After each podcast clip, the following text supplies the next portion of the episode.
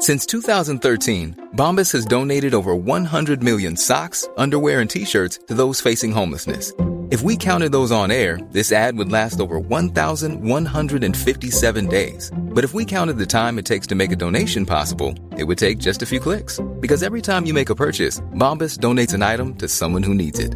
Go to bombas.com slash ACAST and use code ACAST for 20% off your first purchase. That's bombas.com slash ACAST, code ACAST. Quality sleep is essential. That's why the Sleep Number Smart Bed is designed for your ever evolving sleep needs. Need a bed that's firmer or softer on either side? Helps you sleep at a comfortable temperature? Sleep Number Smart Beds let you individualize your comfort so you sleep better together. JD Power ranks Sleep Number number 1 in customer satisfaction with mattresses purchased in-store. And now save 40% on the Sleep Number limited edition Smart Bed for a limited time. For JD Power 2023 award information, visit jdpower.com/awards. Only at Sleep Number stores or sleepnumber.com. Hallå! Simon Gärdenfors heter jag och snart börjar min podcast Arkivsamtal som klipps av min redaktör Marcus Blomgren. Mycket nöje!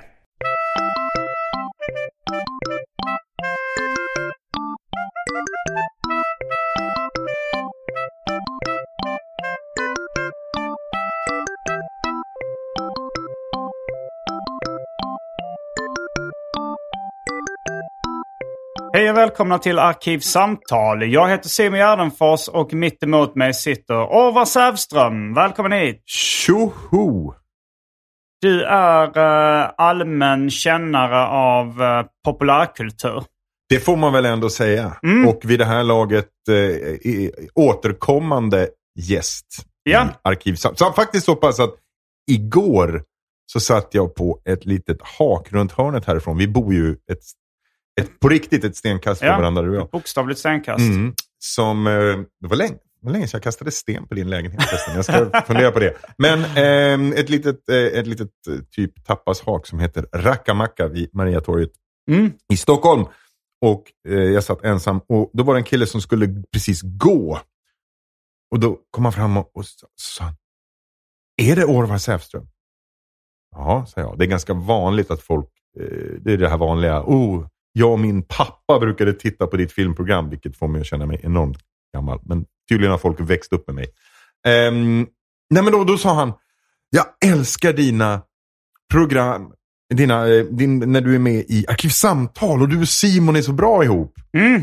Så då sa jag faktiskt till honom att, eh, ja, men då, då styr jag upp så vi spelar in det imorgon bitti. Bara för din skull. Mm. Så, att, eh, så eh, nu är vi här. Så kan vi låtsas att det här var totalt spontant. Ja, men det, det är skitkul. Och ehm, idag så ska vi prata om ett ämne som jag nog har velat prata om väldigt länge och nästan är konstigt att jag inte haft som tema tidigare. Det gäller väl alla roliga teman i och för sig. Varför har jag inte pratat om det här Nej, tidigare? men eh, jag tror att jag har försökt tidigare med det, men du har tyckt att det är för, eh, för känsligt ämne. Det är ett lite känsligt ämne och därför tänk, föreslog jag just också att vi ska smalna av det rätt rejält. Mm. Eh, vad är det vi ska prata om då Simon? Commodore 64. Ja! Något som eh, jag har vuxit upp med och eh, var det bästa jag visste när jag var liten. Samma här. Alltså Mm. det finns få saker i livet som har betytt så mycket som Commodore 64 i mitt Mm. liv. Det är alltså en hemdator från 80-talet. Hemdator som det verkligen hette på den tiden.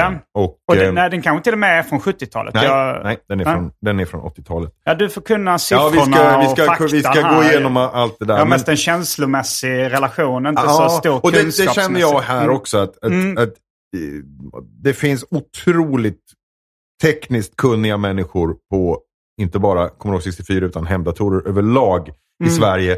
Ehm, och 99% av dem hänger i en fantastisk Facebookgrupp som heter Retrodatorer. Hej allihop. Mm. Och det är Eh, den du är rädd för? Det är där, där det ja, lite- jag tänker absolut inte börja snacka tekniska grejer här Nej. för att jag kan dem inte tillräckligt bra. Utan jag, det jag tänker är att det vi pratar om att just vara 10 bast och spela Mm. Commodore 64 och hela den biten av det. Mm. Det räcker gott och väl. Vi skulle kunna prata i flera timmar bara om det. Mm. Så att det här blir inte något sådär, oh men det ljudchippet är bättre än det när de ändrade fabrik 1986. Nej, inget sånt. Utan rakt av den otroliga spelglädjen. I, Mm. För om man då inte var med på den här tiden, man säger att ja, det här var riktiga datorer, ja, det går att programmera på dem, ja, många människor i min ålder som har gjort stora framgångar inom eh, teknik, IT och så vidare. Eh, de började på Commodore 64. Men för en förkrossande majoritet av oss så var det här en spelmaskin. Mm. Vissa kombinerade ju lite. Alltså så här, min storebrorsa som var lite mer tekniskt intresserad, han lärde sig att programmera i Basic och gjorde lite sånt där. Medan jag bara spelade på den. Ja. Och det där är ju olika vad man har för minnen till det. Men, men den här lilla nostalgitrippen, det kommer ju vara främst vara fokuserat på spel Ja, och annan, annan sån eh, vad säger, populärkultursanvändning av Mm. den så att säga. Men jag tycker att eh, vi kastar oss in på det omåttligt populära inslaget Välj drycken.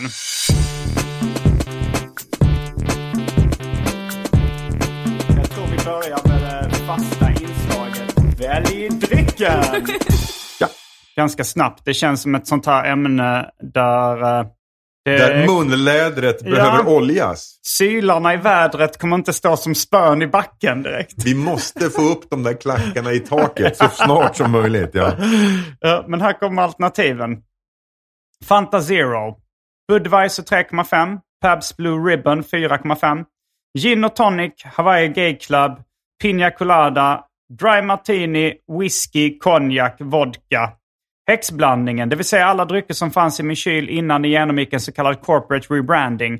Och för tråkmånsar och nejsäre, vatten. Jag, Ja. har, jag har smalnat av listan lite. Om man, om, man det. säger whisky så får man några sorter. Om man, om man säger... eh, Ah, det var så pass. Ja, och eh, liksom, jag har inte separerat ingredienserna i Pina Colada och Hawaii Gay Club. Man kan ju givetvis få bara en del av dem och sådär. Mm. Samma sak med... Men kan man få Pabst utan Blue Ribbon? Hmm. Jag vill ha en hel. Kan jag få Pabst? Kan jag få Blue? Kan jag få Ribbon? Och Ja. ehm, jag tror vi börjar där. Det Ja, det lär vi bli göra. mer.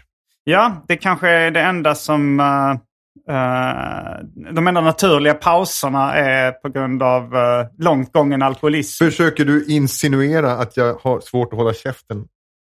Nej, det var en kombination av det och att du är gravt alkoholiserad.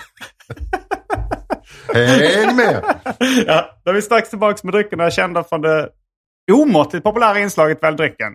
Häng med! Stockholm, Malmö, Kristianstad, Göteborg, Borås, Gävle, Helsingborg, Växjö, Ystad, Falkenberg, Motala, Kalmar. Det är några av ställena jag kommer till och kör stand-up. Jag och Anton Magnusson vi gör några extra föreställningar med vår turné Uppvigling och förledande av ungdom. Och det är sista chansen att se den nu. Eh, vi kör igång i mars igen med den. De brukar ju sälja slut ibland och folk brukar bli lite bittra när de missat showerna.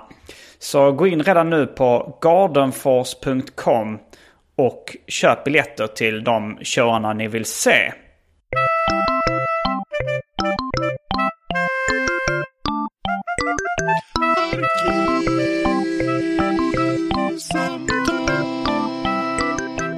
Då är vi tillbaks med de um, dryckerna kända från De omåttligt populära dryckerna från Pabst Blue Ribbon. Ja, det måste man väl säga att de, eh, det är omåttligt populär dryck. I alla fall i Amerikas förenta stater. Jag tror att jag har sagt det på ett tidigare eh, Mm. avsnitt här, men Pabst Blue Ribbon, när jag bodde i USA då för 30 år sedan, Mm. var det billigaste, billigaste, billigaste, eh, verkligen snäppet ovanför att gå in på Konsum och köpa en, en, en liksom blåvit som det bara står öl Mm. på. Det billigaste märket öl som Ja. fanns var Pabst Blue Ribbon och det var sånt här som eh, det, det, det var Hicksville USA-ölen på något Mm. sätt. Och sen gjorde de ju då ungefär som Festis gjorde på 90-talet i Sverige. Mm. En corporate rebranding. Okej. Där, där man hårt lanserar Pabst Blue Ribbon som lite av en, med lite ironi till en början, men en, en, en cool retroöl som du vet, du minns Mm. att eh, din far, så här, som en anti, eh, anti eh, microbrewery öl och sådär på något sätt. Eh, och idag finns den ju till och med på systemet i Sverige, men det var, Mm. det var ju verkligen inte en inneöl Nej. för 30 år sedan. Ja, men det var en snygg corporate rebranding då. Jag minns också väldigt tydligt Festis corporate rebranding när de skulle... Är du en festis? Just det. Eh, det var efter, det var på 90-talet de gjorde den. Ja, det var ju, eh, så när, när vi var små så var ju festis sådana här små, små klämmisar med sugrör på. Som Ja, man inte liksom hade- klämmisar, utan Jo, det var men- väl trianglar. Ja, liksom. precis. Eh, klämmisar är väl sådana lite mer i någon slags Ja, ja, det är sant. Men en sån här mjuk liten som man Ja. hade med på, på utflykt. Typ. Ja. Och det finns ju sådana idag med. Men, eh, Mm. men det, var, det var precis sådana. Ja, de hette ju festis till att börja Just det, med. det med, eh, bind, med bindestreck. Ja. precis. Men konstigt med is, för att det var ju, skulle man frysa dem liksom? Ah, Antagligen. I don't, I Men, don't know. eh, Jag jobbade inte med det. Nej, klämmis på 80-talet eh, för mig var en sån här litet... Amerikansk, Min- eller sån japansk rymdmatsförpackning eller? Nej, klämmis var en minigosedjur som man klämde på och sen hade den liksom... Så bajset åkte ut, eller ögonen? En Nej, här, nej, eller? nej, man kunde liksom sätta den på lamp, eh, lampor och andra. Alltså så här, det var kanske alf eller en liten koala och så klämde man och så drog den isär liksom sina armar som var en spiralfjäder som åkte ihop och så klämde man fast dem på kanske då. Jag Eh. tycker, ju, jag tycker ju att Commodore 64 var roligare. Mm. Om man nu ska En, eh, prata... alfklämmisarna. en apklämmis. Ja, ja, jo, absolut. Men, eh, men det gick att kombinera. Ja. Jag tror jag hade en alfklämmis på min lampa bredvid. Bredvid din Commodore Ja. 64. Så hej, hej. Det är ju hängslen och livrem. Ja. Eh, nej, men vi, pra- vi pratade ju hemdatorer och det man måste förstå om man inte var med på den här tiden var ju att, att spel hemma fortfarande var relativt exotiskt. Mm. Ehm, ja, tv-spel fanns och hade funnits. Men det var När, inte när så kom många som Nintendo hade det. NES? För det kom lite senare. Ja, det kommer lite senare i Sverige framförallt. Mm. Eh, det är väl 86 om jag minns rätt som det Mm. annonseras. Jag tror att jag var bara, alltså, men sex år. Det kanske var 84 eller något sånt som... Jag, hade lite turen att min pappa jobbade på universitetet. Och då hade de Commodore 64 som jobbdatorer.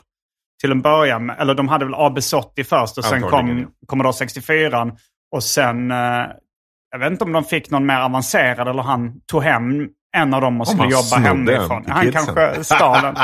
Eller hade den som hemdator då liksom och jobba, satt och skrev hemma. Och vi, vi fick liksom tidigt då en Commodore 64 i, i Hjärup.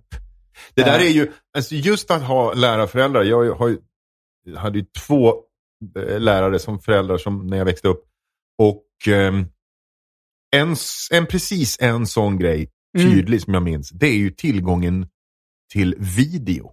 Jaha. Därför att det här var ju innan, det här var innan folk hade video, det var innan till och med eh, som hyrvideo hade etablerats. Ja.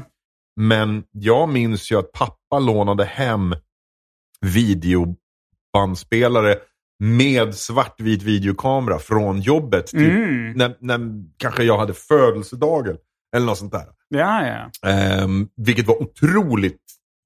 Alltså, ingen hade sett en video ens. Det här var ju sån här semi-proffsgrejer som stod i AV-rummet på högstadiet. Mm. Typ, liksom. Så att, Inte ens det på Hjärup skola. De hade inte, hade inte råd med video. ah, men de hade nog en 16 mm en sån här, uh, filmkam eller sån här filmprojektor Ja, som man satte de. längst bak i rummet. Påg och pedagog fick man se lite Ah, informationsfilmer är och sånt där. Ja. Mm. Många av de där är ju, eh, eller just filmerna tror jag kanske är bevarade. Men jag har försökt gräva i, vi är ju en generation som har växt upp med diabildsband. Mm.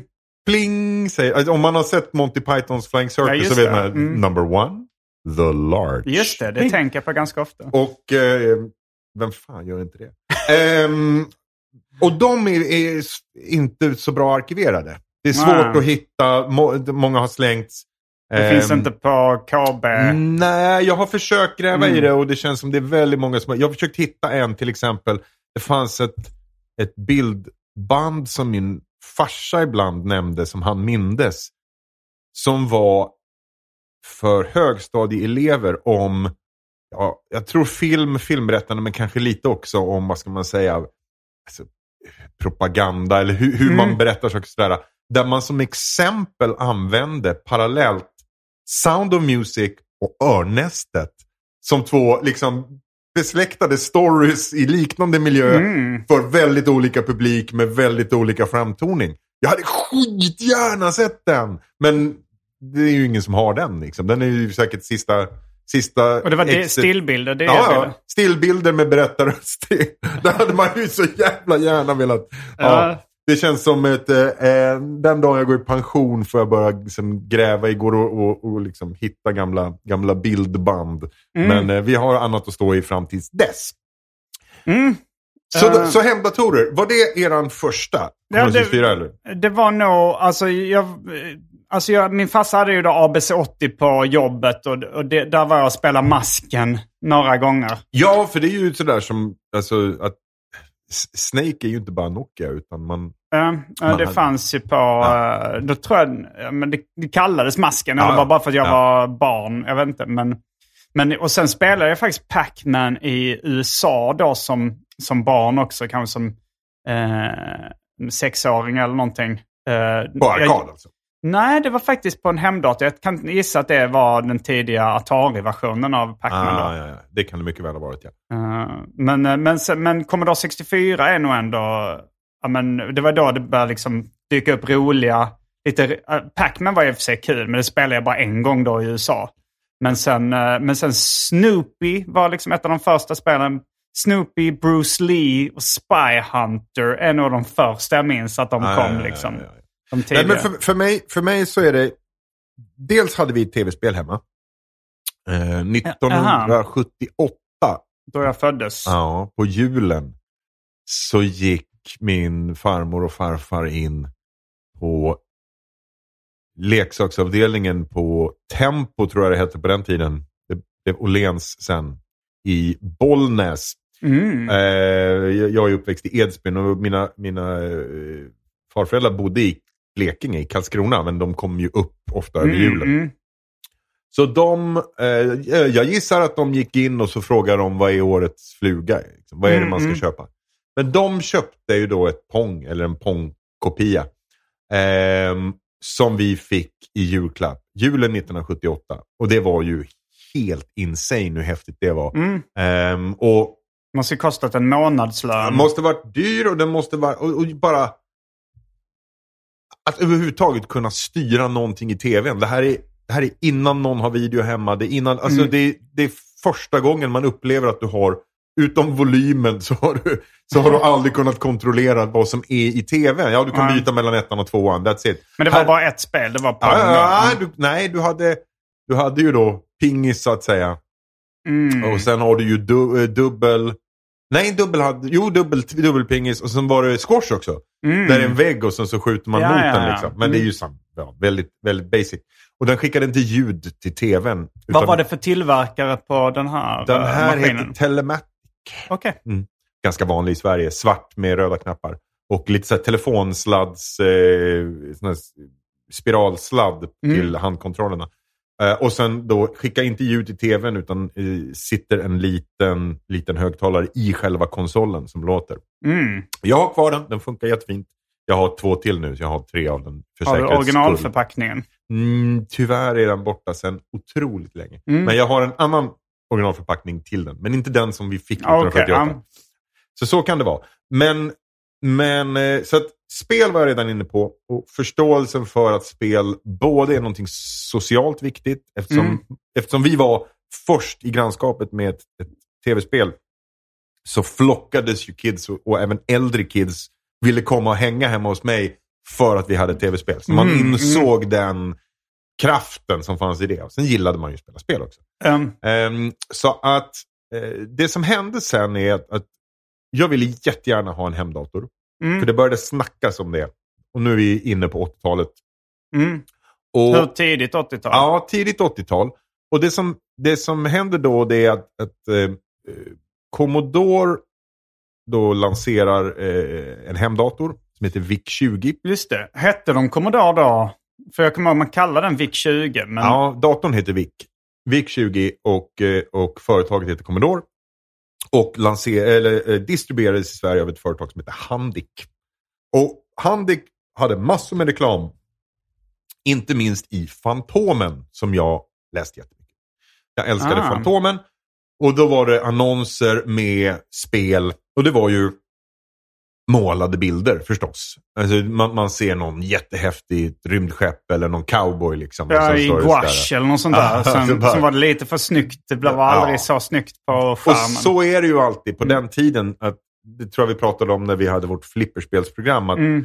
På den tiden var det inget konstigt. Alla visste att spelen såg ut som små fyrkanter som rörde sig. Utan de här omslagsbilderna och som man också använde i reklamen.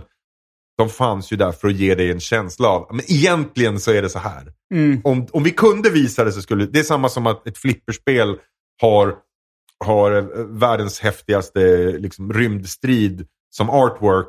Men det är fortfarande en stålboll som åker omkring. Men det är Mm. för att berätta för dig att, ja fast det här flippret handlar om en häftig rymdstrid. Vi lovar, det är så. Ehm, och det där gillar jag. Alltså, det är ett sätt att, att bara etablera vad det är. Jo, men på ett sätt är det ju som om man tänker litteratur så är, är det du får är egentligen bara bokstäver på papper. Men Ja. omslaget och din fantasi är någonting helt annat. Bokrer med bildlar i. Vi... ehm, eh, nej men så att, så att VIC 20, liksom, ja. Jag, jag ville ha en VIC 20. Mm. Och det som händer då är att jag har sparat ihop lite pengar. Eh, vilket låter konstigt eftersom jag är, är väldigt liten. Jag är, är ju... eh, Spara ja, veckopengen. Ja, vid det här laget är jag då tio år gammal. Eh, ja, framförallt så- så, har jag sparat ihop pengar från min mormor. För Mm. mormor var rik som ett troll. Eh, ehm, Var det hon som köpte um, Pong också då? Nej, det var Mm. farmor. Mm. Men mormor var rik som ett troll. Hon hade massor med barn. Ehm, min mamma som Var, var det gamla pengar eller hur hade blivit Ja, så här var det. Ja, det var det. Ehm, min morfar hade ett bageri och gjorde väldigt bra med pengar under kriget. På grund av Mm. ransonering och andra sådana här grejer. Ehm, så, så fanns ju inte massa mat från Ah, okej. Sverige och sådär. Så att jag tror att de levde gott på de pengarna resten av hennes liv sen. Så att man fick alltid vi var 30 kusiner tror jag. Mm. Alltså morsan, de var 11 syskon. Så det var väldigt mycket Åh, jävlar, ja. kusinbarn. Och alla vi, det här tänker jag på ibland, alltså det här är ju runt 80. Vi fick, man fick 500 spänn varje jul och varje födelsedag. Det är Oj. tusen spänn om året på 80-talet. Det är Ja, ja, ja. Det var rejält mycket pengar. hon, ja, fy fan. Och, Till då 30 olika ungar liksom. Så att, ehm, så jag hade sparat ihop det, plus veckopeng, plus annat och sådär.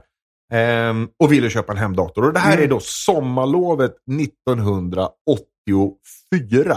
Mm. Och då är vi i Blekinge, i Karlskrona, för vi hade sommarstuga där. Och vi går in på en radiohandel. Jag tror att den här låg på Ronnebygatan i Karlskrona för er som sitter där. Ehm, jag och min pappa. Och de hade då hemdatorer uppställda och man kunde prova lite och sådär. Och då stod också där den alldeles nya Commodore 64. Den, den nylanserade, häftigare Mm. datorn. Och i den rullade en flygsimulator som jag faktiskt har letat lite efter. Jag hittade den till slut, men det är inte Flight Simulator eh, tror jag, utan någon variant. Man, man flyger mellan olika öar.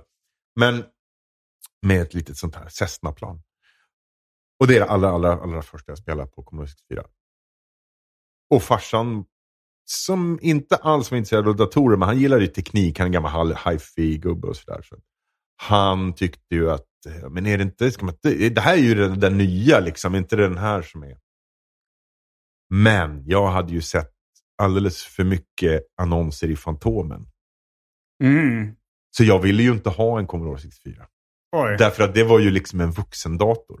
Mm. Och, och, och det fanns någon flygsimulator till den och det kändes också som det kändes också, det är som Märklinjärnväg, det är en sån där pappaleksak på något sätt. Mm. Så nej, jag vill ha en VIC 20 för det är där alla tuffa spel finns. För det var det jag kände till. Ja. Kunde man spela VIC 20-spel på Commodore 64?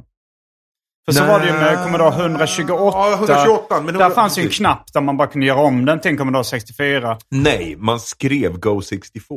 Okej, var det det man Ett gjorde? kommando Ehm, så, så hoppar den över. För det Men- minns jag att de flesta som sen köpte 128, om vi går händelserna i förväg, eh, de bara gjorde om den till en 64 Ja, direkt. vilket helt meningslöst. Ja. Det, var, det var inte mycket Nej, nya VIC spel som 20 kom. VIC 20-spelen funkade inte på 64. Ehm, men det som hände här nu är att jag köper inte en, en ny VIC 20 utan jag köper den i en radannons.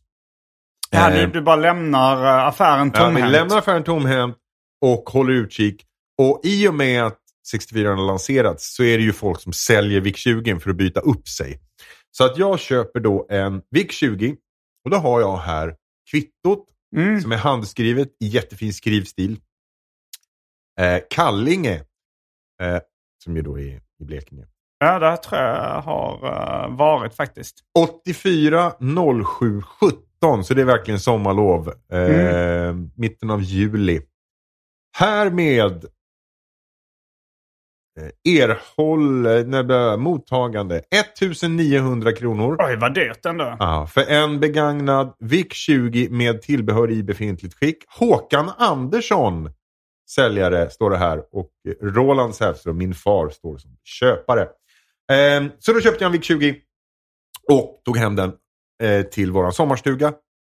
Där vi fa- faktiskt bara hade svartvit tv. Mm, mm. Ehm, och sen så spelade jag spel som en galning Vilka hela spel sommaren. fanns det i VIC 20? Det finns en del, alltså det, den är ju otroligt enkel. Eh, Inte minst att den har så lite minne.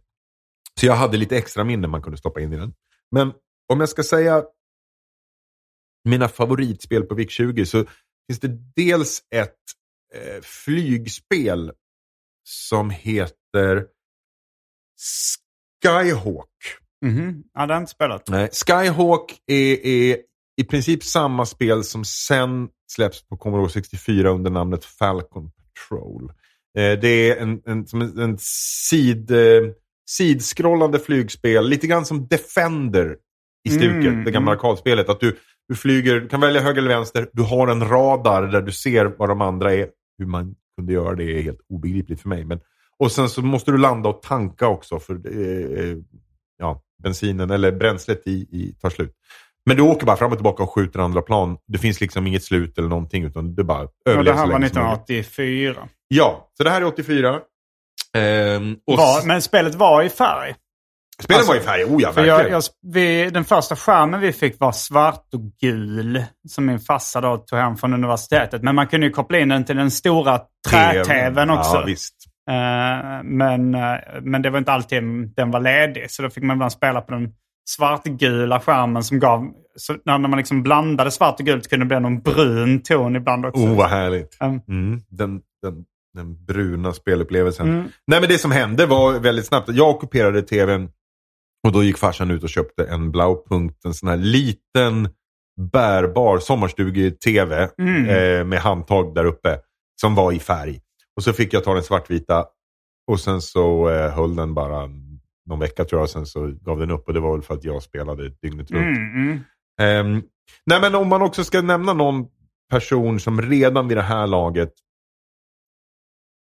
gjorde häftiga spel och som sen fortsatte på, Com- på Commodore 64 så är det ju en, en engelsman som heter Jeff Minter. Och Mm. Jeff Minter gjorde ha- han var en skitflummig spelprogrammerare. Han, eh, han var liksom hippie, han rökte säkert enorma mängder gräs. Eh, han gillade lamor. Hans, Mm. Han hade ett, ett spel, han, ja det var väl han bara. Men eh, ett spelföretag som heter Lamasoft. Och gjorde liksom ofta, det, det, det dök upp lamor i hans spel. Ja, men det känner jag igen. Lamasoft. Ja. Och, eh, och, och då var det bland annat Laser Zone och Matrix är två jättebra spel på VIC-20. som är- Och eh, jag minns också en, en, en Pac-Man på VIC-20 som jag spelade jättemycket och, och liksom blev bättre och bättre och bättre på. Sådär. Vad hette det? Det hette nog... Ja, det är svårt att minnas nu om det hette Pac-Man eller om det hette någonting väldigt En likt. Munchie eller... Ja, något sånt. Alltså, för Det- de, det var väl inte lagligt kanske? för det var det att- garanterat Mm. inte. Så så var det. Så jag hade nog i, i två år. Nej, det kan inte. Det, det är nog ett år. Mm. Men det känns som längre. en VIC-20. Och sen började man ju ganska snabbt inse att är på Commodore 64 det händer. Var det andra barn då i kvarteret som hade Commodore 64? Eller var det, Nej, det var, var- Hur in, var det nya annonser i serietidningar? Det var överlag att man började ge sig in i den världen och så inser man att "Uah, spel, spel, spel, spel, spel. Så man började bli sugen på Commodore 64. Och eh, jag vet också i något fall, också på, på eh, det är nog nästa sommarlov, att några kusiner fick låna en Commodore 64 Mm. med en bandstation och så spelade vi spel och så blev man helt "Ah, wow. De här Ja. spelen är ju jätte, jättehäftiga. Ja, vi hade disk drive till och med från början. Mm. Och det, Men- det är ju det som är grejen. Ja, det, det var ju bättre. Men av någon anledning så ville jag ha en, eh, eh, en Bandstation bandstation, bandstation också. Det kanske var att det fanns vissa originalspel eller något sånt som jag inte eh, kom åt via... För jag kommer ihåg att jag köpte också på så annons i Sydsvenskan en, eh, en bandstation till slut. Ja, ja, ja. ja. Man fick eh, pilla lite med tonhuvudet där. Köpa någon uh, krysskruvmejsel och trycka ner. Och det, var, det var lite, något av ett helvete ibland. Ja, ja, ja, visst. Och det, det som hände då för mig är att jag, jag sålde VIC-20 till en kille som gick en klass under mig. Mm, Jag lyckades väl lura på honom den för att jag visste att jag ville ha en 64. mm, Och sen då börjar man plöja Gula Tidningen. mm. Och Gula Tidningen var ju blocket analogt. På papper. Ja, det var eh, en gång i veckan så släpptes då en tidning på sånt här dasspapper. Eh, jättegrovt. Eh, och det var bara sida upp och sida ner och sida upp och sida ner med annonser. Mm. Ehm, och, och är man uppväxt i den tiden så finns ju, det är ju som Hobbex-katalogen. Det är någonting väldigt nostalgiskt över Gula Tidningen. Och eh, inte minst då spelannonserna. Ehm, så att jag letar någonting och då hittar jag en Commodore 64 med både disk drive och bandspelare och två joysticks och massor med, ja, en hög med spel. I var det Stockholm. TAC 2 eller vad var det för joysticks? Nej, jag tänkte komma till joysticken. Mm. Ehm, och min bror bodde i Stockholm. Eh, så han, eh, han köpte den åt mig. Den var i Stockholm. Och Det här är ett sånt otroligt starkt minne för mig. Jag går nog i... Jag skulle tro att jag går i fyran. Och eh, två av mina kompisar är över den kvällen. Och vi vet att min bror är på väg upp från Stockholm med Commodore 64. Så vi sitter där bara Mm, och, och, mm. och bara väntar på Han det. hade den i bilen då eller? Ja, jag minns inte ens om han... Jo, han måste ju ha kört känns det som. Mm. Han kan ju inte ha liksom släpat den på tåget eller någonting. Men, men eh, så han kommer upp, kopplar in den och smidigt nog då så den här lilla bärbara färg-tvn från sommarstugan, den tog ju vi hem. Mm. Så, så den fanns på mitt rum redo att koppla in hemdator i. Ehm, så han kopplar in och då hade väl killen han köpt den och visat lite, så här laddar man ett spel och sådär. Mm, så det mm. allra första spelet vi drar igång, det är ett spel som fortfarande är ett av de bästa jag vet. Och det är Melbourne House-spel Way of the Exploding Fist. Ja, det har jag spelat men det, det, var, det var ingen av mina... Inget hushållsspel för mig men... Ah, ja. Åh, jag var helt golvad. Men det var ett kung fu-spel. Ja, det ja, eller eller ännu mer ett karatespel verkligen. Mm. Det är, eh, kan man säga, den, det spelet som satte standarden för den sortens spel var ett arkadspel som heter Karate Champ. Mm. Där man är två stycken, en röd och en vit fighter mot varandra och en domare som ger poäng. Det är inte en, eh, där en, en... Det är inte som internationell karate eller? Jo, väldigt det, likt. ja, För det, Det- hade jag, det spelade väldigt mycket. Ja. Det som hände var att... att eh, karate- det är för er som inte har spelat det så alltså det är ju som Street Fighter eller Mortal Kombat. Alltså att man bara är två stycken. Ja, fast det är inte en varandra. life bar. Utan det är points. Eh, Mm. Så du, du träffar någon och så kan du få en halv eller en hel poäng, precis som det är i karatetävlingar. Och eh, Karate Champ var ett speciellt arkadspel eh, utan knappar. Man hade två spakar var. Man Mm. drar i olika kombinationer för att göra olika, eh, Man olika två saker. spakar var. Ja, Men vad hade var. ni? Fyra joysticks då? eller? Nej, det är Karate Champ. Ja, okej. Ja, så på Commodore 64 Ah. så kom då en, en variant på det som heter the Exploding Fist. Och där har man då vanlig joystick eller knappar. För den Ja, ja, det. ja. Ehm, så det här spelade vi och, och, jag var helt såld. Det var liksom första kvällen och det, det är en sån där... ah, som jag Det är fortfarande ju coolt också att man kan vara två på det liksom, Ja, f- samtidigt. verkligen. För att eh, det ger ju en extra upplevelse. Ja. Det- Visst var det det. Och just då, eh, Wave Exploding Fist. Och sen kom då en, vad ska man säga, en, en, en variant på samma tema som hette International Karate som blev, också, som blev Mm. jättepopulär. Ja, det var en stapelvara i Ja, mitt hem. verkligen. Det är ett av de mest klassiska eh, Commodore 64 Och internationell karate plus kom sen. Som var Ja, lite... och det är en sån där som ofta dyker upp på listor och jag blir, jag blir alltid lite... Jag blir... Jag blir arg och besviken. Nej, det blir jag inte egentligen. Men jag tycker att eh, IK Plus är ett sämre spel. Folk tycker, det är lite som när det kommer, du vet, du har en film som är jätte, jättebra och så Mm. säger de åh, och nu har den släppts på Blu-ray med, med 28 borttagna scener. Det är mycket, mycket bättre. Man bara, nej, för att det var bra som det var. Det blir inte bättre för att du trycker in grejer. Och problemet med IK Plus är att istället för att vara två så är det tre fighters.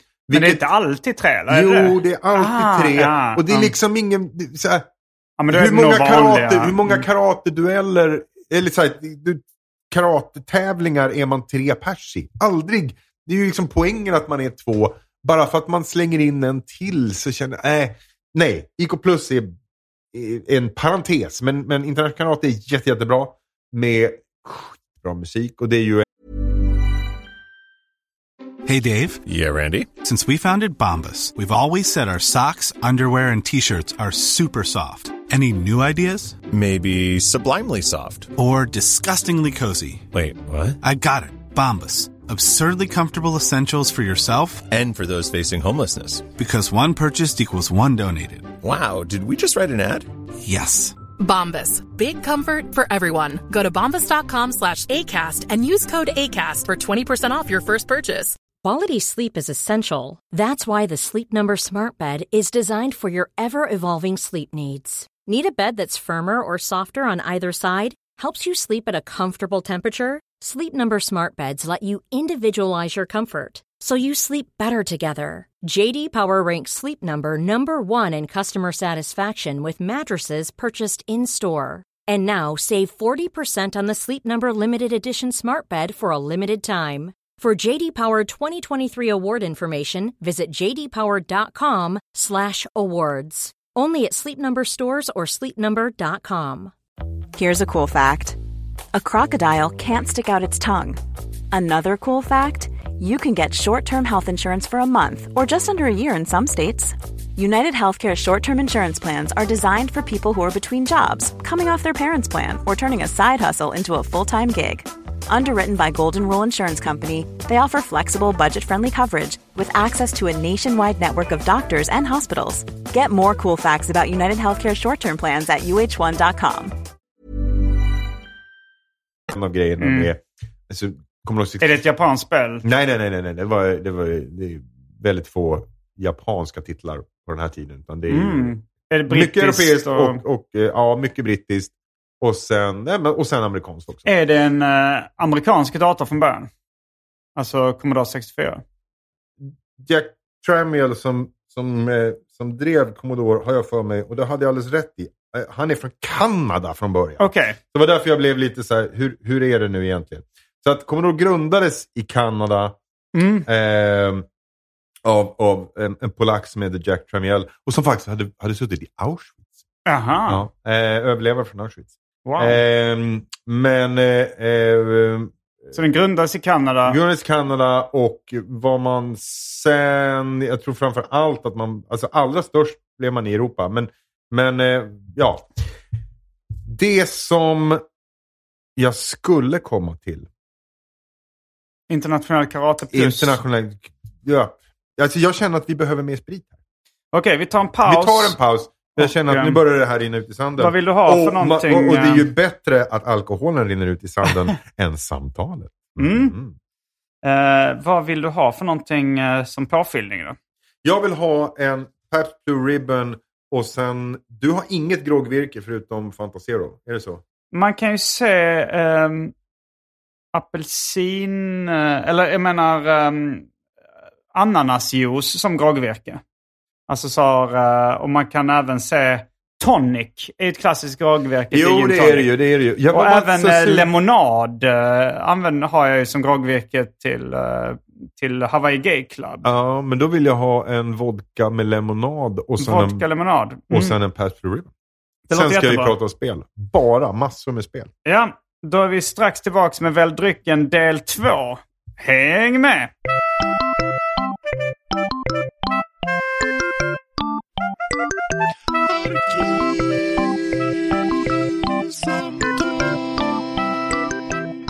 Då är vi tillbaks med en eh, Budweiser till mig, en Pabst Blue Ribbon och Le- vodka, vodka lemonad. lemonad. Eh, som jag blir jätteglad över Mm. därför att det är, påminner mig om en, en sån här standard standardgrej jag brukade dricka just när jag bodde i Los Angeles. Mm. Det var, då var Snapple stort i USA. Hade inte kommit till Sverige än. De här gla, ganska tjocka glasflaskorna med stor eh, Mm. öppning där uppe och metallskruvkork. Så hade de en som heter Lemonade som var ganska sur. Den var inte supersliskig liksom. Men, Så jag brukade köpa en sån. Man köpte en sån och så hällde man ut en tredjedel eller hälften. Och så hällde Mm. man på vodka och så skakade man den. Då hade man ju liksom en, en bärbar schysst drink i en Mm. färdig flaska. Som var, det var ju som att göra en Strong Zero eller något sånt där. Ja, Så- verkligen. så att eh, det här smakar precis som det. mm, Nu blev jag jätteglad. mm. Var var Ja. vi någonstans i um, Alltså vi har Commodore? börjat nosa lite på spel och jag föreslår att vi bara pratar massor med Commodore 64-spel. Ja. Och det är, det är ju en spelmaskin med tusentals och tusentals spel. Ska vi, ska vi börja med att säga våra favoritspel? Mm, Alltså så det här, kan vi göra. Vi kan ta varannat då. Om du börjar. Jag skulle ändå säga att Gianna Sisters, eller Gianna Sisters, eller hur det uttalas, är mitt favoritspel. Eh, Okej. mm. En Mario rip-off. Ja, det är det ju. Men jag tycker att det är roligare än Super Mario. Och det, det är idag eh, lite kontroversiellt bland uh, Bland Nintendo-nördar. Så tycker de så här, hur kan du tycka att rip-offen eh, är, är bättre? Men, men jag tyckte att de... eh, de Det är som att gilla Missing in Action med Chuck Norris mer än Rambo.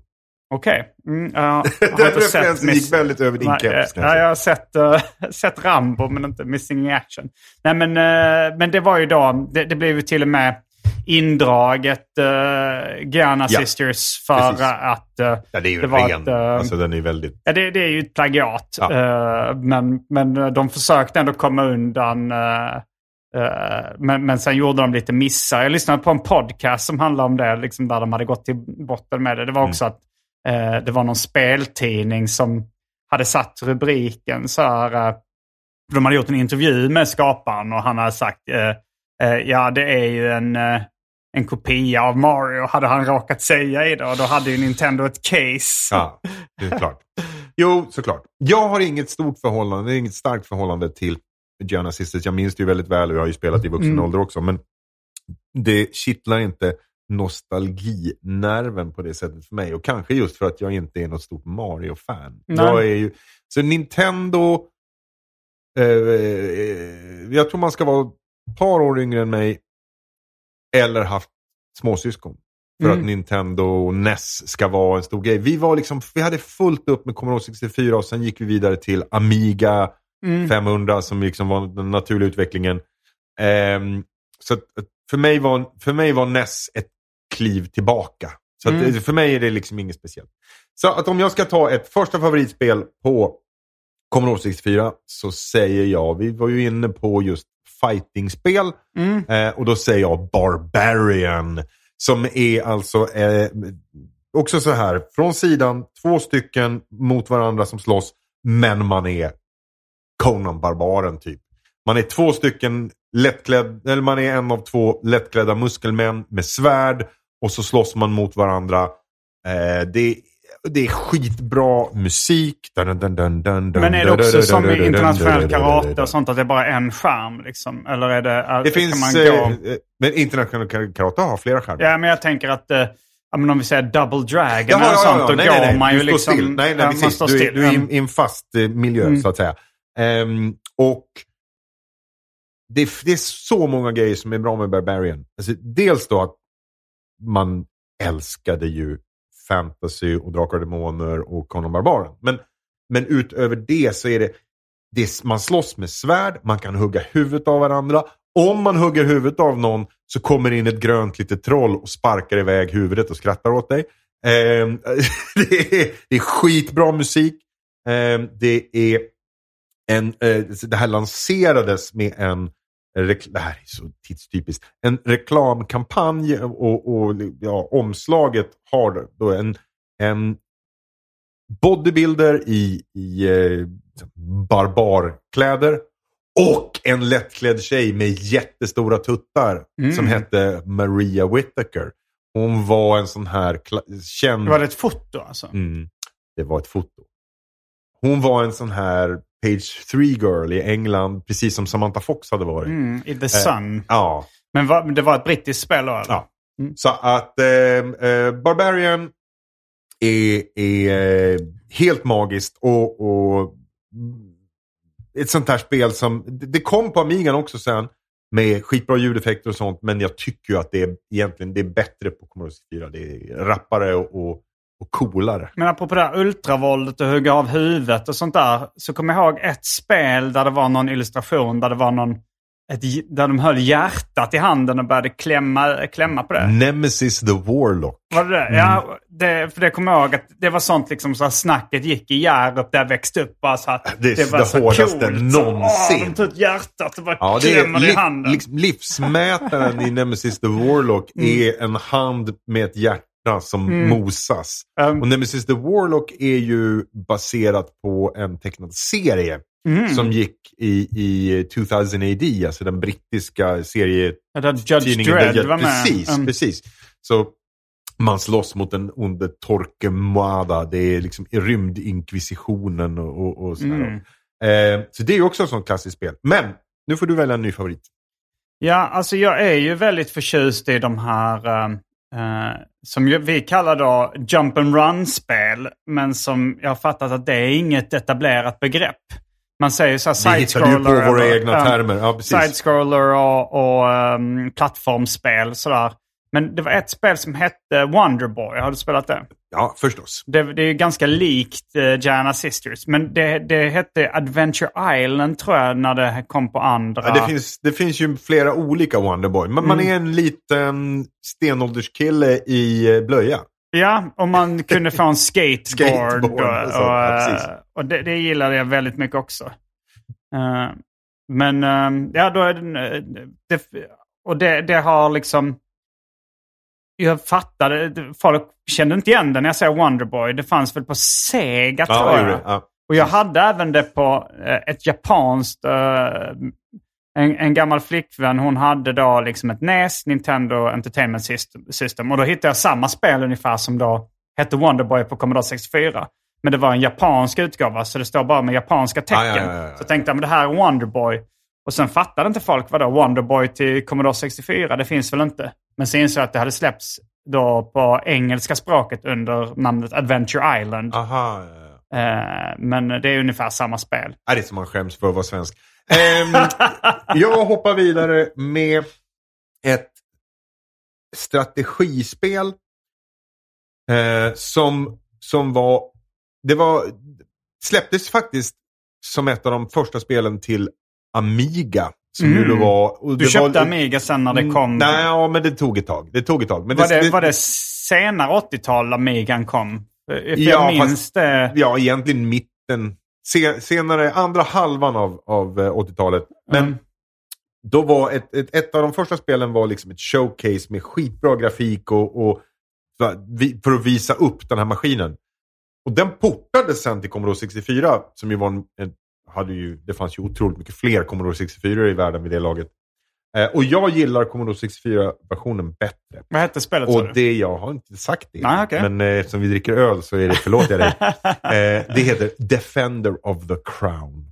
Defender of the Crown är ett spel av ett företag som heter Cinemaware. Det hör man på namnet att de försökte göra filmiska spel. Mm. Eh, och det handlar om England, riddare, fagra jungfrur, turnerspel. Eh, du kan spela som Ivanhoe. Mm. Eh, Robin Hood dyker upp och så vidare. Men du väljer, du väljer en riddare. De kan vara bra på olika saker. Fäktning, alltså, turnerspel, ehm, eller bara politik, såna grejer. Och sen så försöker man eh, vinna England så att säga. Det är Mm. ett jättebra spel, fortfarande. Och eh, eh, det är... Ja, ah, jag blir helt lyrisk. De gjorde ett gäng spel sen, framförallt på Amiga. Eh, It came from the desert, de gjorde Wings, de gjorde eh, ett spel som heter Rocket Ranger, King of Chicago, ett maffiaspel. Men Defender of the Crown är ändå deras absolut mest kända spel. Gjorde inte George Lucas Commodore 64-spel också? Eller i alla fall Lucas Arts. Jag har för mig att jag såg det på några liksom, eh, LucasArts var väl in- involverade, jag har dålig koll på det, de gjorde ju jättefina spel till Amigan sen, men, och till tidiga PCn. Men med eh, bland annat då Indiana Jones, både Last Crusade Mm. och Infernal Machine och så vidare. Eh, och, eh, men, men på 64 så hade du ju, ehm, nu står det helt still i huvudet, eh, Manic Mansion. Vet du det? Manic Mansion. Manic Mansion. Okej, om jag ska äh, säga ett favoritspel till. eh, Ghost and Goblins. Ja, det är ju så himla himla bra. Det Ja, är ju det ett är av de absolut bästa. Det är ju ett så side-scroller, jump and run också. Men, det, men eh, på ett sätt man kan gå, man kan gå på vanliga liksom eh, Mario. Nej, men nej, det är samma. Ja. Man kan inte gå tillbaks när man väl har gått. Nej, du kan eh, backa det- lite. Man kan backa lite, kan men det backa kan man väl i. Mario och Guyana Sisters Alltså, också. Ghosts and Goblins är ju så död, det är så fruktansvärt dödligt. Du dör Mm. precis hela tiden. Du är alltså en riddare, du, det börjar på en kyrkogård. Mm, det kommer Eh, upp zombies och marken. Ja, och det är, det är Du kastar små lansar. Och, ja, precis. Eh, och musiken är fantastisk. Det är sån Ja, här... det- eh, för det är lite olika mus- Termin... Ja, det är så jävla jävla bra. Du, du, du, Du, du, du, du, du. Min, eh,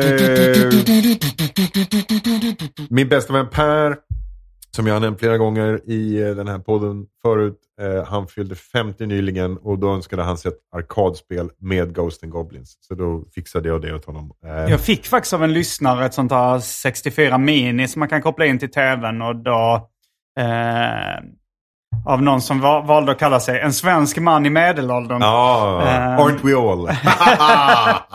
Men, eh, men då, då liksom la han in eh, Ghost and Goblins och Gianna Sisters och annat som jag hade liksom pratat om i poddarna. Så jag, jag, har- jag har spelat lite då och då. Men det, ja, det, det är ju, jag tycker det är objektivt en av de bästa spelen till Commodore 64. Det är asball. Det är jätte, jätteball. Det finns en tillfixad version.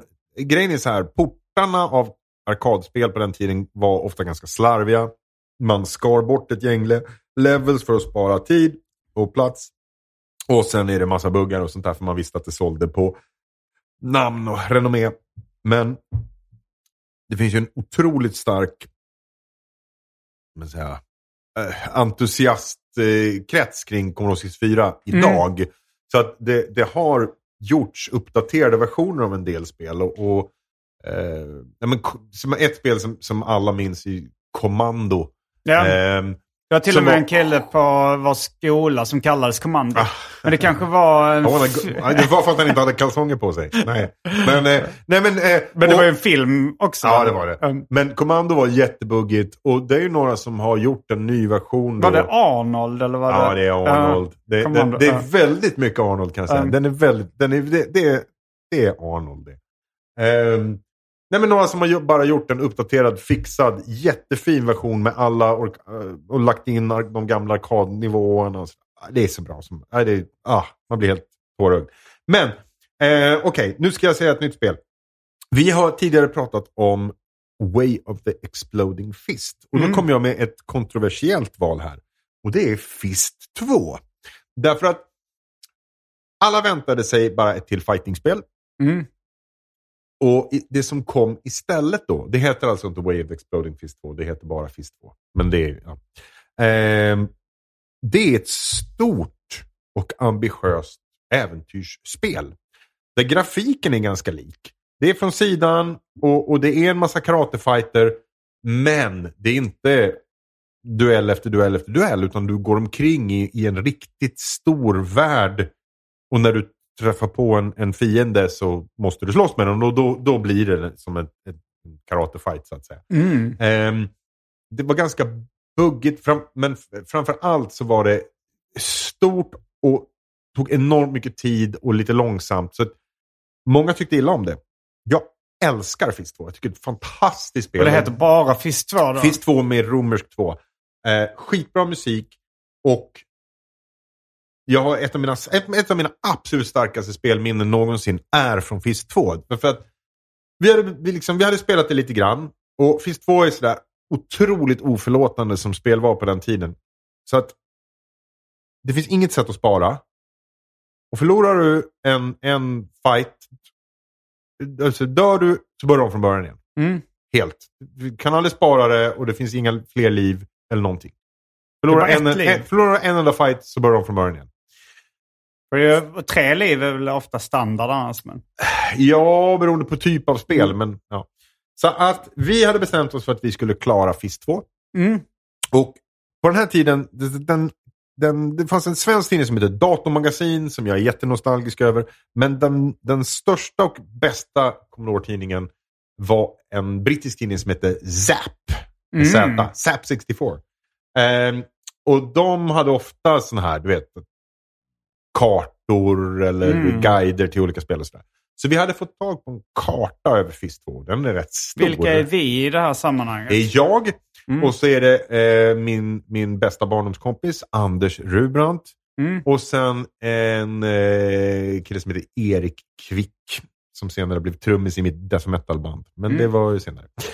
Och vi hade bunkrat upp, vi hade chokladkakor.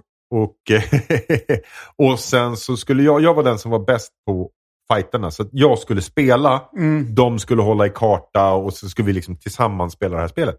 Så vi börjar på morgonen, det här är en helg. Och vi spelar och spelar och jag hade liksom hittat en teknik som gjorde att jag, jag vann i princip alla fighters. Det, det, det, det visste vi, men det var så mycket grejer. Du vet, man ska hitta olika tempel, eh, eh, scrolls som ger dig olika krafter. Nej, men till exempel, så här, oh, du, kan inte, du kan inte komma till den här delen av världen för det är giftig, ång, eller så här, giftiga gaser här där du ska gå igenom. Så om du hittar den här scrollen och sen tar den till ett visst tempel och ber, då blir du immun mot giftgas och då kan du komma in i Mm. den delen av världen. Det, det är liksom, ja, som, lite Zelda-aktigt. sådär. Ehm, så vi spelade hela det här spelet. Och jag minns det så tydligt, det är så helt sjukt. Jag sitter här jag- en morgon hos Simon och dricker grogg och bara vet exakt. Vi spelade i åtta timmar. Vi kom till slutbossen. Och slutbossen är... Så det finns en, en... I bakgrunden av spelet, man går i, ofta i en djungel, men ibland är man nere i gångar. Och sådär. Men när man är utomhus så kan man se ett berg Mm. längst bak, som i, i bakgrunden. Så i slutet kommer man till det här berget och man fightar sig upp genom olika liksom, nivåer. Och så kommer man upp då till, till slutbossen. Så ska man slåss mot honom. Man ska slå honom och när man har slagit honom så ska man hoppa ner i ett hål i golvet. Mm. Och då, är, då har du klarat spelet. Mm. Så jag har tagit mig upp dit. Håller på att slåss mot honom. Jag leder fighten. Tog det åtta timmar liksom, eh, att... Men då dog ni några gånger eller var det åtta timmar nej, att spela? Åtta timmar ren speltid. Ja. Åh jävlar. Ja. Ja. Så jag leder den här fighten. Och så gör jag en baklängesvolt. Mm. Och eh, ramlar ner i hålet. Innan jag har vunnit fighten. Åh nej. Klick! Början. Då, Åh, då, så här, då, då är vi tillbaka på ruta 0, 1, Åh fy pang, pang. Ja. Och då var det verkligen den här. Och då, vi var väl... Ja, du vet, man är 11-12. Mm. Så vi bara så här. Vi sa ingenting. Vi bara tittade på varandra. Och så började man från början igen. Okej. Och så spelade vi 7-8 timmar till. Slog honom, klarade spelet. Och till saken hör att idag kanske man tänker att slutet på, på ett, ett jättestort spel som du har investerat massor med tid i är världens största, häftigaste cutscene och det är grejer och det är liksom slut... eh, Mm. Ja, en payoff. Payoffen i Fist 2 är att när du hoppar ner i det här hålet och har vunnit matchen så är det en bild på det här berget som du har sett i bakgrunden hela Mm. tiden. Fast det kommer lite, lite rök upp ur berget. That's it. Det är bara den bilden. Men det är fortfarande kanske den största seger jag har gjort i, i ett liv av spelande. Okej, det är så, ja. jä- alltså, så jävla glad jag är. Och i och med att, att Fist 2 inte är så populärt. Så jag har aldrig träffat någon som har slagit hela Fist 2 utan fusk. Utan Men som, som hör bara av er om ni har gjort det också. Kanske i den här Facebookgruppen du nämnde så kanske... Ja, fast där är det, jag, jag, sökte efter några andra grejer Mm. i den gruppen just nu. Och där var det en diskussion. Som, är det någon annan än Rova Sävström som har slagit Ja, 2? och det var det inte. jo, det är säkert någon som har gjort det. Ja, Men det är, det, så det, det är ett spel som för mig Ja. är...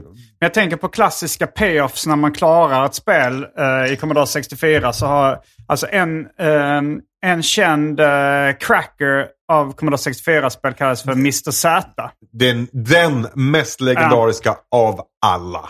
Det är, Absolut. en, Um, det är ju som ett intro då. Cracker för er som är, är tre år gamla är alltså folk som, som eh, ta ett originalspel. Ja, ta, ta bort kopieringsskydden och så vidare. Ja, och sen kan de sprida lägga sig in då. sitt eget namn Mm. innan. Och så. Det fanns massa grupper som Triad och Fairlight och så vidare. När jag och en kompis klarade Bazooka Bill. Ah, då, eh, också ett spel som jag har spelat ganska mycket och även haft som alter ego en gång när jag gjorde en låt.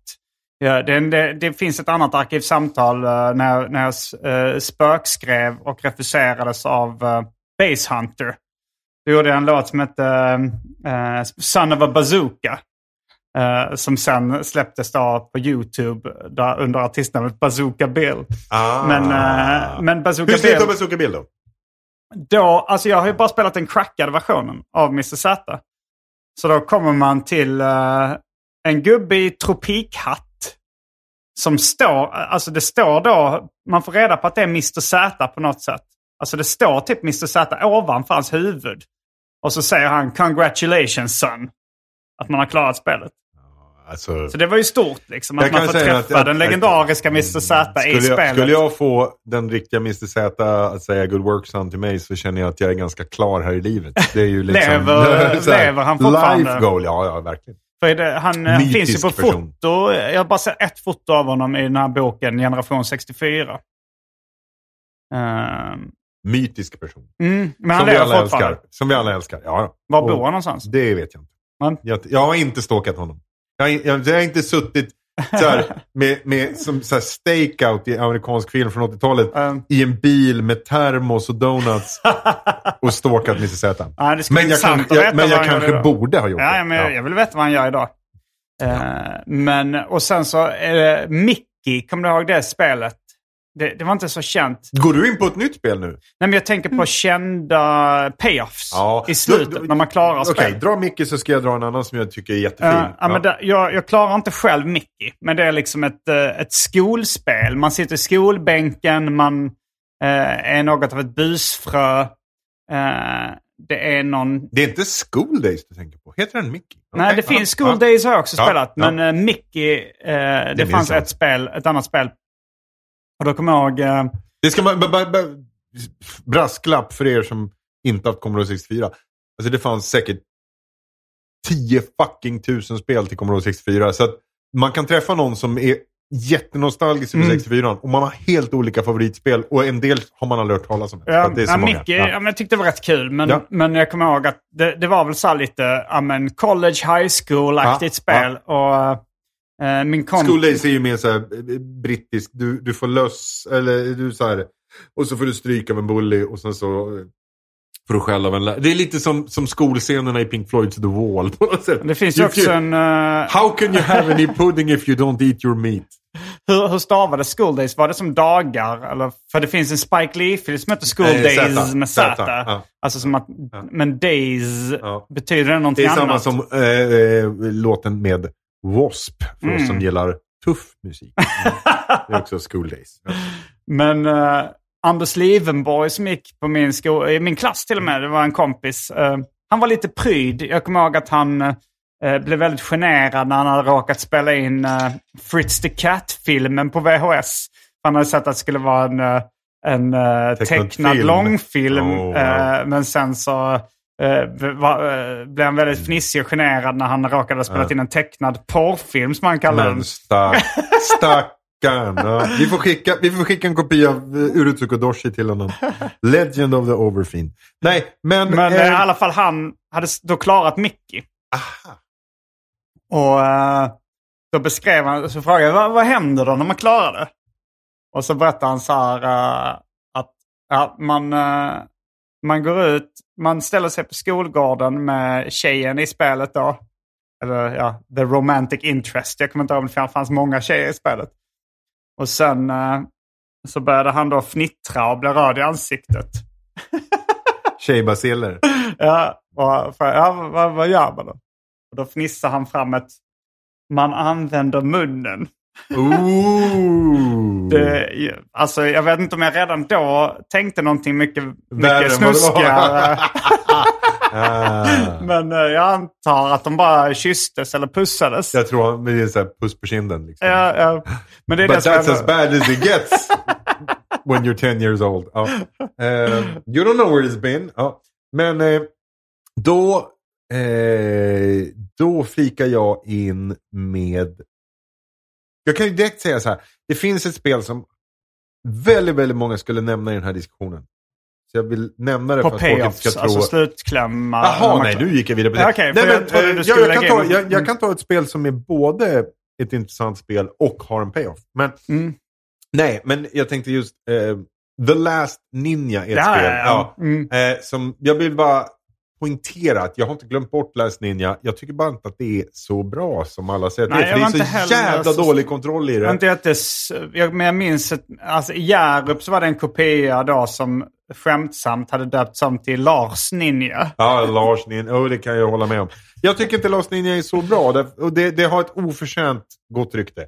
Nu kommer jag få massa hatmail, men that's Bra fine. musik kan jag för mig det Eh, var. eh, det. Ja, det är skitbra musik. Mm.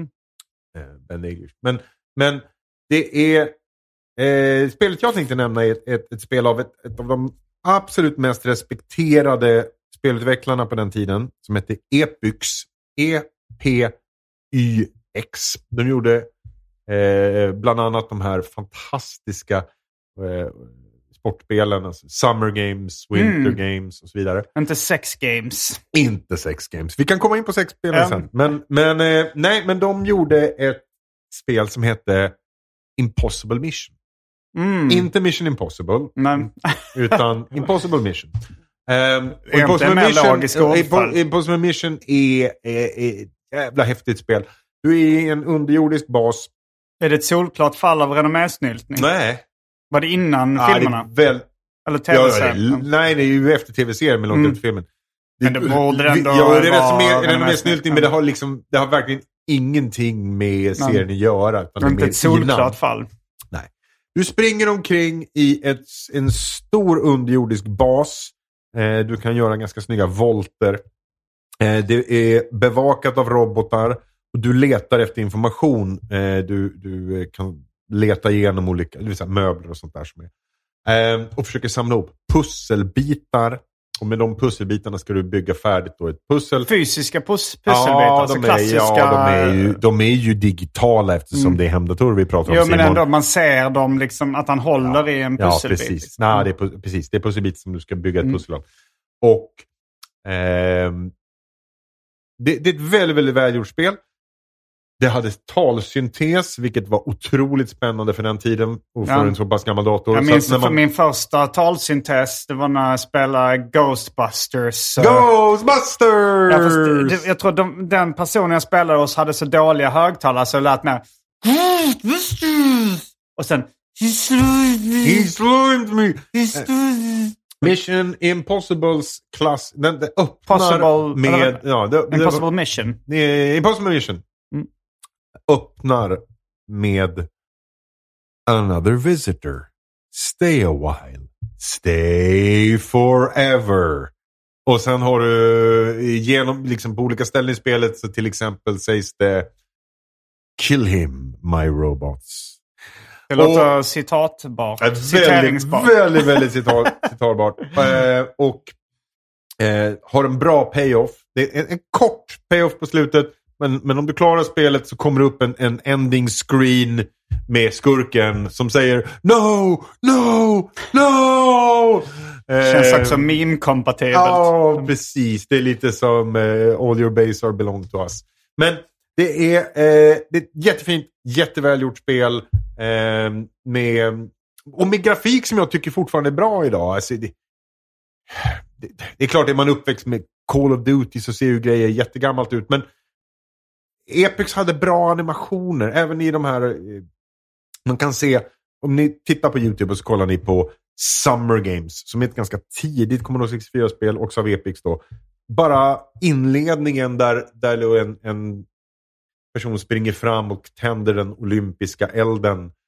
Så, så det är bra animationer. Det är liksom Mm. schyssta rörelser och man känner att klivet från Pong, här är en fyrkant. Ja, det handlar bara om några år. Ja, så är det, så är det direkt dras du in i att ja, men det här Mm. är det här är lerduveskytte och det här är det här. Och det här Mm. så helt plötsligt så ser du vad det är. Det är ju det är inte abstrakt längre. På samma sätt. Och det tycker jag är, det är jättebra. Vi måste nu avsluta det ordinarie avsnittet nu här. Det här är ju Eh, helt sjukt. Vi har ju... Nej, nej, men jag tänker att uh, det Patreon-exklusiva, det är Sky's the limit. Det, finns, det kan vara hur långt som alltså, helst. Nu, jäv- alltså, är det någon gång i ditt liv du ska bli Patreon, en patronist Mm. av, av, av Simon, så, så får det väl vara nu. Nu, nu Ja. vi, vi, vi, vi kör, vi rabblar en massa coola Ja. Commodore 64-spel. Eh, innan vi stänger av här nu så vill jag bara poängtera att du nämnde joysticks tidigare. Det gjorde jag. Och det kommer vi komma in på Och det också. kommer vi också komma in på Mm. därför att det är Vi kommer in på sexspelen, vi kommer in på joysticks, Ja, vi kommer in på vi måste komma in på Kickstart 2. textäventyr. Varje vecka så släpper jag ett bonusavsnitt av den här podden exklusivt för er som donerar en valfri summa per avsnitt på patreon.com arkivsamtal. Patreon.com arkivsamtal alltså. Det finns redan över 40 exklusiva avsnitt som du får tillgång till. Så det är mycket kul för valfri slant. Vill du bara vara schysst och säga tack för åratal av underhållning så kan du även swisha en slant på 0760 72 47 28. All denna info finns även i avsnittsbeskrivningen. Och glöm inte att följa mig på Instagram och andra sociala medier. Där bjuds det på gratis skämt och mycket annat. Ja, det, det var allt från det här ordinarie avsnittet av Arkivsamtal. Eh, Tack för mig. Jag heter Simon Gärdenfors. Du heter Orvar Sävström. Fullbordat samtal.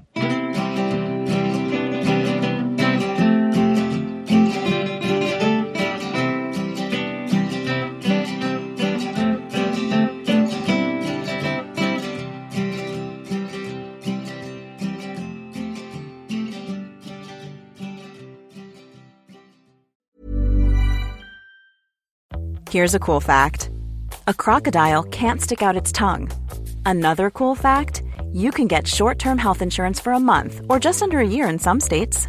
United Healthcare short term insurance plans are designed for people who are between jobs, coming off their parents' plan, or turning a side hustle into a full time gig. Underwritten by Golden Rule Insurance Company, they offer flexible, budget friendly coverage with access to a nationwide network of doctors and hospitals. Get more cool facts about United Healthcare short term plans at uh1.com.